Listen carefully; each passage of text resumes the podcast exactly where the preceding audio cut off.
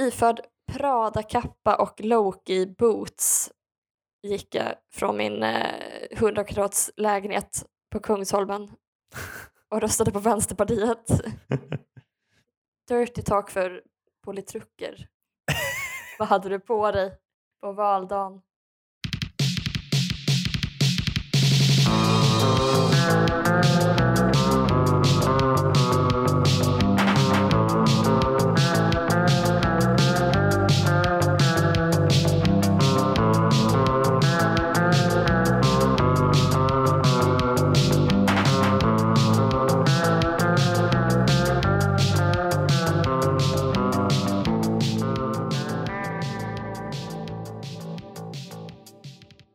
Kim Eklöf!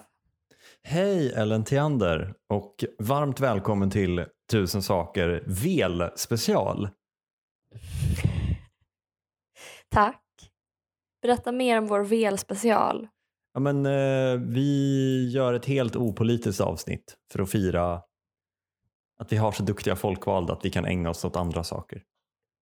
Din blankröst i etern. Förlåt, jag var tvungen att hjälpa my robot servant. Vad gulligt det lät när den åkte iväg på nya upptåg. Ja, men den är, den är gullig, men den är liksom typ, det är säkert så här Kina-översatt text. Liksom. Så att då, då ropar den med ett litet pipljud och när man kommer fram så står det ett budskap på displayen. Nu står det verkligen så här, ta bort alla hinder i min väg. Jag vet liksom, det, det är både väldigt data men också väldigt poetiskt. Och stressande. Alltså, så här, det, jag vet inte, alltså, det är klart jag undanröjer det här hindret för, dig- för dig, Gun, som vår robotdammsugare heter. Eh, men jag vet inte, man kan alltså, röja alla framtida hinder. Nej, Alltså alla hinder i min väg. nej det, det, hon vet inte vem hon pratar med. En neurotiker av eh, Guds nåde. Har jag verkligen har jag gjort tillräckligt? Alla hinder i min mer? väg. Punkt 28. Shit vilken douche snusmumriken är. Jag behöver lite space. Sen har du också skrivit, för det tror jag du som har skrivit den här, så har du också skrivit Varför heter han snus när han röker pipa? Ah! och jag tänker vi börjar med det lättaste. Snus och pipa. Mm. Det är väl för att pipmumriken låter som någonting man kokar kaffe i. Sätter du på pipmumriken. Men om vi går vidare då till, till det, den första delen av punkten som handlar om att eh, så här, jag vill bara vara lite i fred. Mm. Det finns ett stadie i människors liv när de börjar identifiera sig med snusmumriken. Jag vill bara vara i fred Ja. och göra mitt. Och då känner jag, gör det då. Ja, ja. Alltså, säg det, ställ in, håll inte på att lova en massa vitt och brett. Mm. Kommer du på min utställning? Klart jag gör, gud vad kul. Och sen går, springer man och in på toa och lägger upp en bild. Åh, jag vill bara vara snusmumriken. Springer in på toa och läser, slår upp en sida Mumin. Ja, bara, men säg nej då. Ja, gud vad det här känns som en, ett personligt påhopp på mig. Men jag var ju olyckligt kär i snusmumriken. Jag vet inte om det är därför jag har såna undertryckt aggressioner mot honom då tydligen. Jaha, att du känner dig dumpad? Ja, för det och Mumin är ju olyckligt kär i honom får man ju säga. Och samtidigt så identifierar man sig ju verkligen inte med Mumin, man identifierar sig ju samtidigt med snusmumriken precis som du säger. Mm. För Mumin, han har väl inga karaktärsdrag? Det är väl som main character syndrome, att det, det, alla ska kunna identifiera sig så ingen, ingen identifierar sig. Mm. Det finns liksom Han är i ingen... alla fall snäll väl? Åh nej, den värsta beskrivningen av någon. Så här, hur är Ellens tycker det, nya men- kille? Han är snäll. Man bara, vad bra. Han slår inte barn. Ja. Och det kan inte nog understrykas hur viktigt det är. Jag som har varit på andra sidan va? Dabbled in the elak, elak kille. Ja, du tänker så. Du uppskattar den varudeklarationen. Ja, verkligen. Men jag tycker bara det känns, alltså när man beskriver någon som snäll, så känns det liksom lite som när SD hade sin, man får inte vara nazist om man är med här. Så här, vad- det är minimi. Ja, Men så här, jag vad- tycker faktiskt att det är ganska ovanligt med snälla personer. Jag tror att väldigt många människor är trevliga ja. och det säger kanske inte så mycket. Nej, det är ju ännu Men värre. folk som är så här självuppoffrande, lyssnar, liksom bryr sig genuint om ens känslor, ställer Mm. upp och gör allt de kan för att, för att göra andra människor glada. Alltså, det, det kan väl ändå inte vara jättevanligt. Se till att alla runt ett bord är bekväma och om det är någon som inte pratar på länge så kanske man vänder sig till den Mm. och ställer en fråga till den. Jag kanske är så bortskämd med snälla människor att jag kräver något mer. Ja. Är du snäll, ställ dig i kön. Jag vill ha någon. Det är ju tyvärr så att alla människor tävlar med allting i hela världen som man går runt med i fickan. Du har du inte tänkt på va? vilken jävla komplimang alla människor som tilltalar dig ger dig. ja, faktiskt. När de har tillgång till exakt allting. Ja, det är det snusmumriken eh, har upptäckt. Alltså att han värderar Mumin lägre än en stubbe typ. Och några kottar. Alltså att han är besatt av att vara i skogen väl?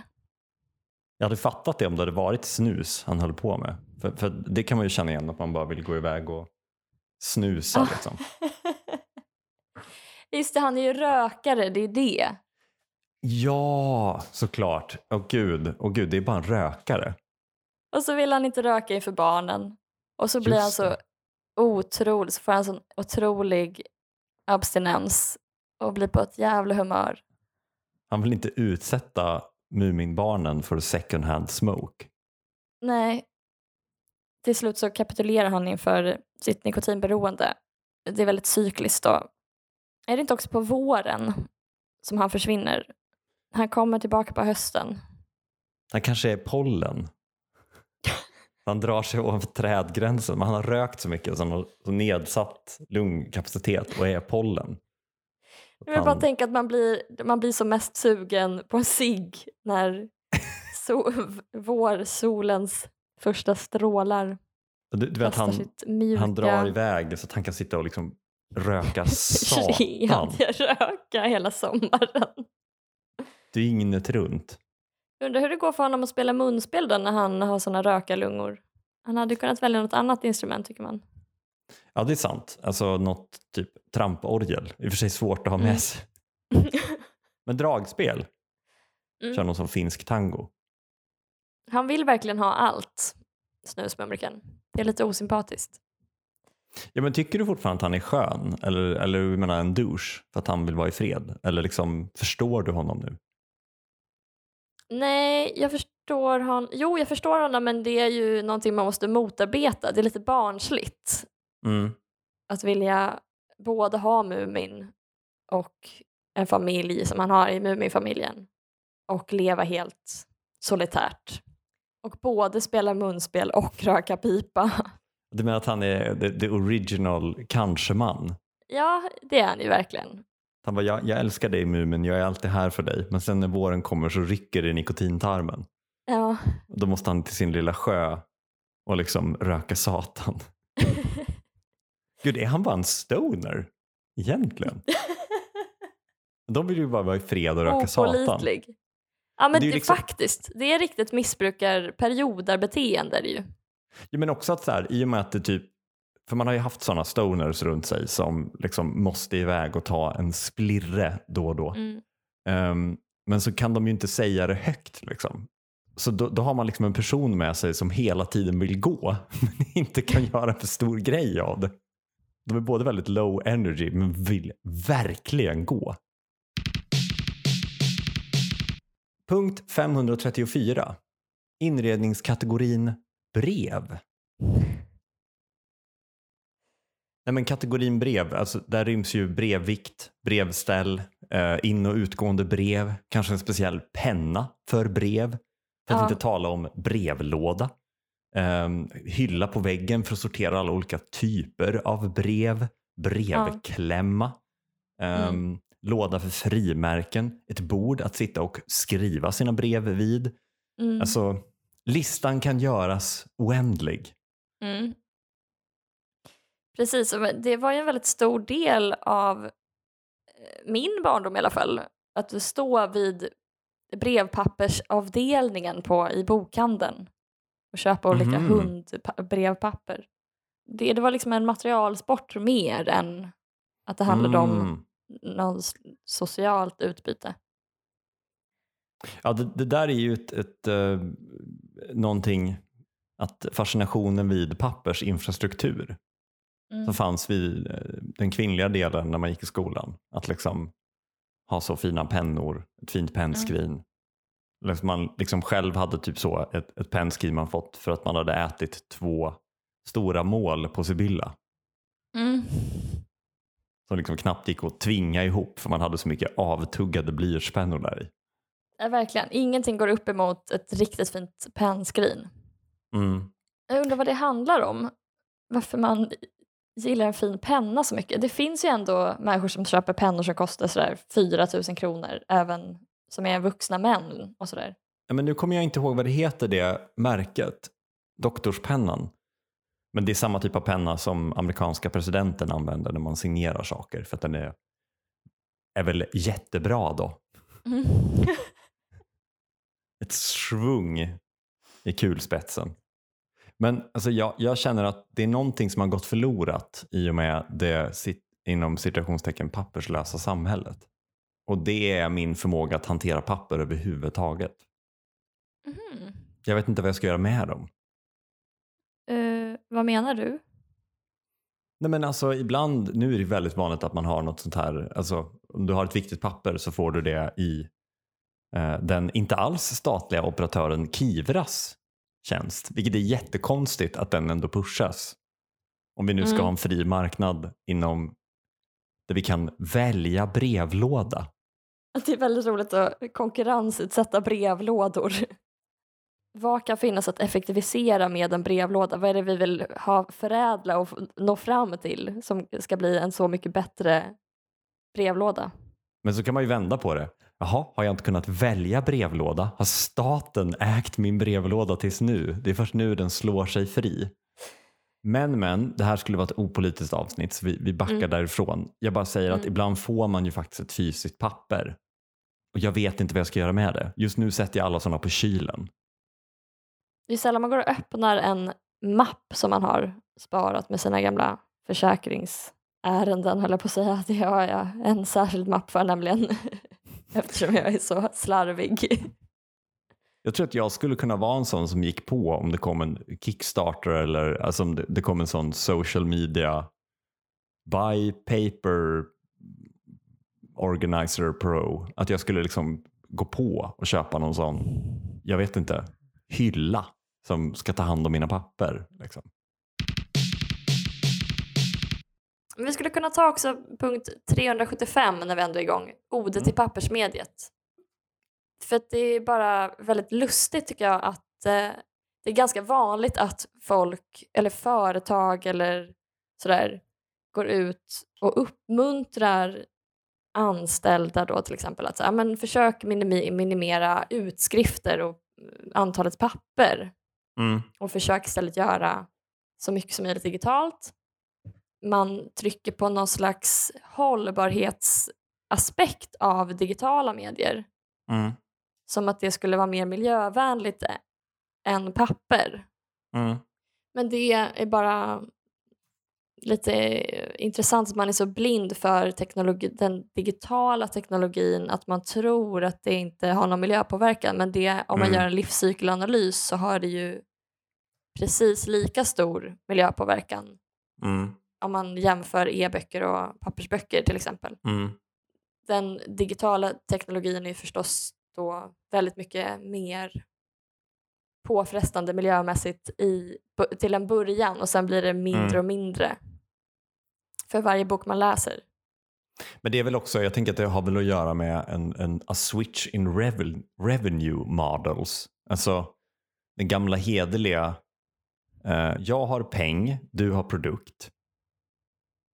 Klart. Alltså den, den är ju ganska svår, tänker jag, för ett bolag som behöver ha tillväxt. Liksom. Alltså du kan bara Mm. sälja si och så många dammsugare, säger vi. Ehm, det är mycket bättre om du kopplar in ett ekosystem så att de får en direktlina till din plånbok. Till exempel Kindle. Alltså det är ju nu eh, lånar jag faktiskt mest böcker från, alltså e-böcker från biblioteket och skickar till min Kindle. Så det här var första gången jag köpte en bok på Kindle för att jag, jag, jag orkade liksom inte. Och den kostade 20 spänn. Och då kände jag, är det värt 20 spänn att slippa ha min läslampa tänd? Mm. Och där Mm. någonstans och då signerade jag att vi lever i den yttersta tiden. Men, men. ehm, det var väldigt uppenbart att det är en direktlina till min plånbok för det var så jävulst smidigt. Mm. Så det är väl en liten motståndshandling tänker jag att hålla på med papper. Du har ju en pappersbok när du har köpt den. Ingen kan spåra eller när du skriver ut någonting för att läsa det så kan ingen spåra din användning eller liksom customisa någonting för dig för att få dig att fortsätta ta del av det. Jag önskar att någon ville spåra min läsning. jag som har så god smak. Det kan du få i, i Kindle så kan du få, nu håller jag på och läser Tänka snabbt, tänka långsamt. Mm. den här gamla klassikern av Daniel Kahneman och den ska vi återkomma till i en, i en annan podd. Är den politisk? Är det därför vi inte kan prata om den nu? Ja, vi kan väl, alltså jag har inte kommit så himla långt i den, jag har väl läst typ 20 procent men jag skulle säga att den väldigt mycket hittills så är det väldigt mycket liksom eh, knasiga, alltså det är väldigt mycket tankeexperiment. Det är Mm. så att han kanske stavar ett ord fel i en mening och så läser man meningen och sen är nästa mening så här. Nu märkte du något va? Ja, ja, vänd sidan upp och ner, ser du ett ansikte? Och man bara oh, oh, wow, trippen. Alltså det är lite så motsvarigheten till att titta på en tablettask med en 3D-bild. Vad handlar den om? Eh, Nej, men uppdelningen i att tänka snabbt och tänka långsamt. Alltså uppdelning, han kallar det, pratar ju om system 1 och system 2. Alltså Mm. system 1 är vår intu, intuition, att vi väldigt snabbt eh, kan svara på en viss fråga. Eh, och sen har vi system 2 som hanterar liksom multiplikationstabellen eller alltså, som behöver liksom göra själva tänkandet. Och jag tror att det är liksom många business leaders uppskattar den här boken för att den försöker få dig att liksom bli medveten om det och veta när du behöver koppla in system 2 när system 1 lurar dig att fatta felaktiga beslut. Mm. Ehm, det är väldigt mycket så. Titta på den här bilden. Här har du tre linjer. Visst är den högra linjen längre ut? Man bara, ja den ser längre ut. Det är den inte! Psyk! Typ. Och så översätter han det till hur du handlar på börsen. Typ. Det är det, alla som har läst den, det är väldigt få som vågar säga högt att en stor del av behållningen är att det är lite så tankenötter. att det är lite knep och knåp. ja. Att Det är därför den vann Nobelpriset. För att Peter Englund tyckte att det var mysigt med lite knep och knåp. Jag tror inte att den vann Nobelpriset i litteratur, eller han. Han är ekonom tror jag. Vad kul, för jag har alltid undrat varför jag är så smart när jag är så otroligt dum. Mm. Jag, jag upplever att jag inte förstår nästan någonting. Mm. Men då kanske det är att jag bara håller på med det här typ två-tänkandet. Att jag tänker otroligt långsamt och noggrant på allt. Du menar att man tänker förstår långsamt bara är att förstår man inte, förstår. Att man är dum. ändå shout-out till personen. På ett ställe är det en mattegåta bara. Alltså, alltså är det mattegåta. Sänk det bara för gåta, det är ett mattetal. Man ska räkna ut en komplicerad multiplikation. Men då är det någon som har strykt under svaret. Jag tyckte att det var gulligt att man läser den här boken och det man tar med sig är att 17 gånger 24 är 406. Så man kan slida in på en fest. Hörni, vet ni vad 17 gånger 24 är? Har ni inte läst Daniel Kahneman? Men tror du att det är det du gillar med pappersmediet? Det definitiva, det exklusiva, det avskilda? Nej, jag gillar det bara för att det är överlägset att läsa på och hålla i och det aktiverar fler sinnen tror jag. Och då förstår man bättre vad man läser och Mm. man kommer ihåg på ett annat sätt. Bokmediet är ändå uppfunnet för att läsa. på. Mm. Så Mm. det är inte konstigt att det funkar väldigt bra att läsa just på papper. Mm. Men datorer är ju, och mobiltelefoner är ju uppfunna för andra ändamål också. Så du, då, eh, alltså just läsning är ju kanske inte, det är ju i alla fall inte den enda funktionen, det är inte det som det är gjort för liksom. Mm. Du tänker att det är lite mer att man använder en universal lösning Teknologi, när det, finns precis. en, när det finns en specialiserad teknologi som gör det mycket bättre. Ja, det är roligt att eh, Kindle marknadsför sig som det. Att det är nästan som papper. Man bara, ja, men eh, det finns ju också papper. Du bara, man kan ju köpa den här, alltså du är som en sån kille som är ute och tältar och så har man med sig sitt vanliga tält och de bara, varför har du inte ett lättviktstält? När man är inne i ett medieparadigm så blir det mediet osynligt. Så nu är det som att vi är inne i ett digitalt medieparadigm. Det är det som är det neutrala liksom. Som om det var som om texten kom från ingenstans. Mm. alla mineraler och alla serverhallar, all el som går in i produktionen av den texten som man läser, det är Mm. väldigt abstrakt och osynligt. Då. Mm. Och det eh, finns en eh, filosof som heter Friedrich Kittler som skriver om det. Alltså det är först när man går in i ett nytt medieparadigm som man kan få syn på det gamla paradigmets maktstrukturer eh, strukturer Mm. och teknologiska villkor och det materiella i en teknologi. Så det, för Mm. oss är det mycket lättare att se vad som var specifikt för boken och hur den materiella, de materiella förhållandena påverkade läsupplevelsen eller tillägnandet av information. Punkt 183. Att folk tror psykisk ohälsa beror på Instagram. Punkt, punkt, punkt, punkt, punkt. Eh, det här knyter jag an till, dels tänker jag det här filterbubblor, Mm. att det skulle vara och fake news, att det skulle vara roten till polarisering. Polarisering Mm, tycker jag är mm. ytterligare en sån där förklaring som är, det är helt omvänt. Man bara ja, det är väl inte det ursprungliga problemet, utan problemet är väl då att skillnaderna mellan människor har blivit så stor att de tycker eh, mer och mer olika. För att de har mer och mer olika, de har mer och mer olika liv. När man pratar, men det är som man pratar om segregation. Att problemet är, det är väldigt som du säger, när man säger att, att vi har en problem med segregation eller polarisering. Då menar ju att man ju att det är en annan grupp som är segregerad eller polariserad. Alltså ingen grupp kan ju vara polariserad själv eller segregerad själv. Utan det är, ju, det är ju alltid liksom, vi är så himla polariserade för att hälften av befolkningen springer runt och tycker fel. Ja, precis. Men i alla fall, nu ska vi väl inte prata politik. Men sen så pratade vi också i avsnitt 100 var det tror jag, om eh, läkemedelsgemenskapen och jag sa att Mm. jag var emot terapi. Mm.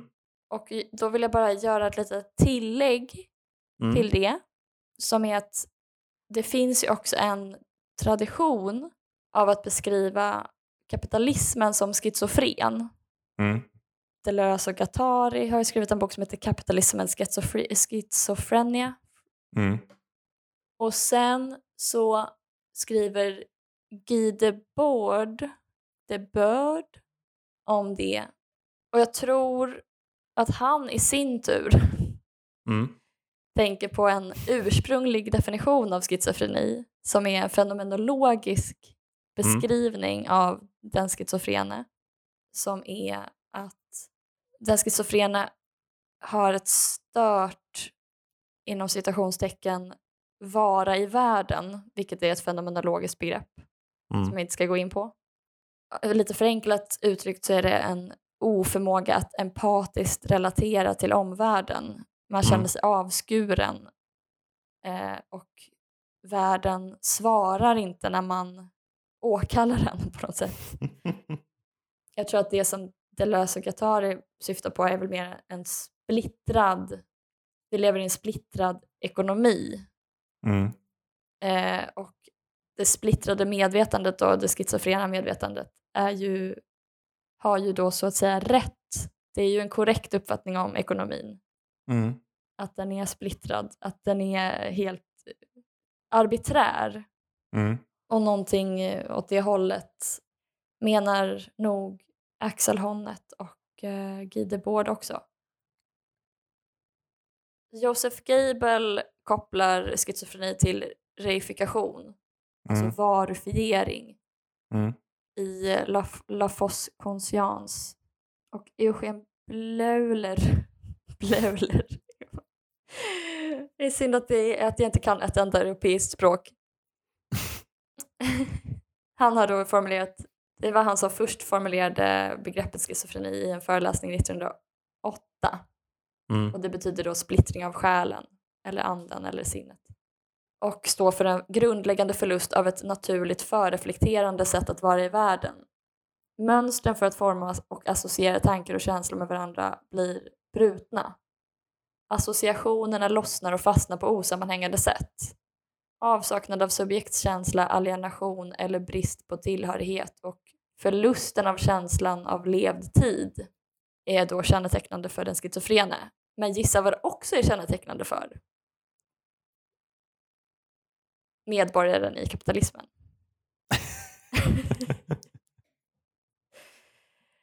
Så den här förlusten av kontakt med verkligheten är liksom endemisk för samhället självt.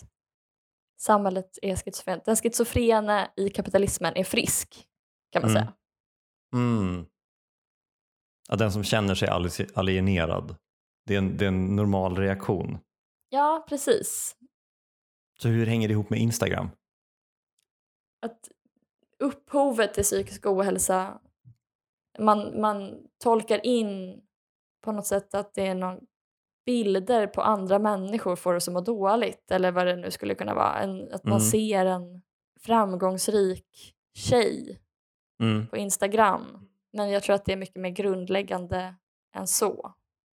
Nej, alltså gud vad jag har tänkt på det där. Att man, man så, du går in på Instagram och det enda du ser är dina vänner som har roligt hela tiden, brukar man väl höra. Liksom.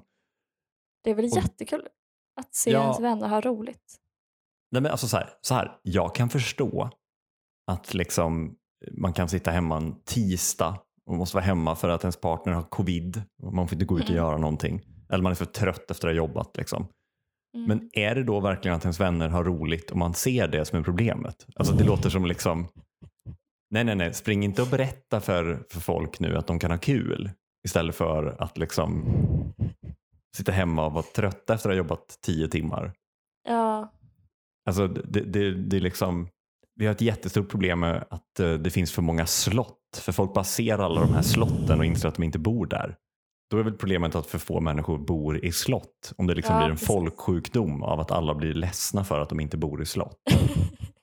ja, Vi får bygga en stor vägg framför slotten så folk inte ser dem och blir ledsna.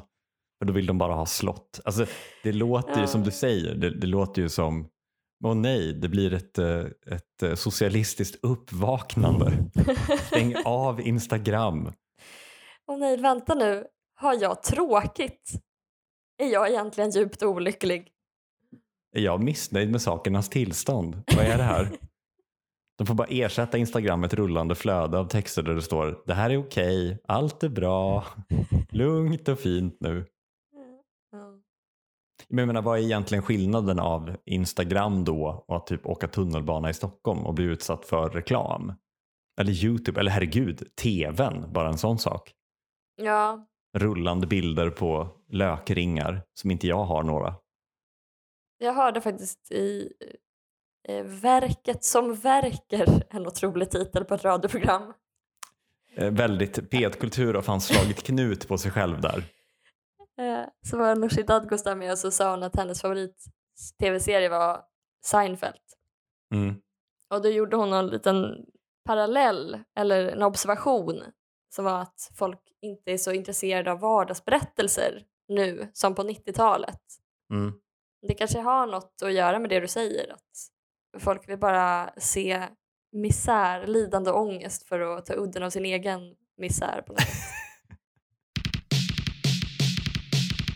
Stort tack Ellen Theander. Tack Kim Eklöf. Vi kommer ut på tisdagar klockan sex på morgonen. Lagom till morgonlöprundan. Tack för att ni har lyssnat.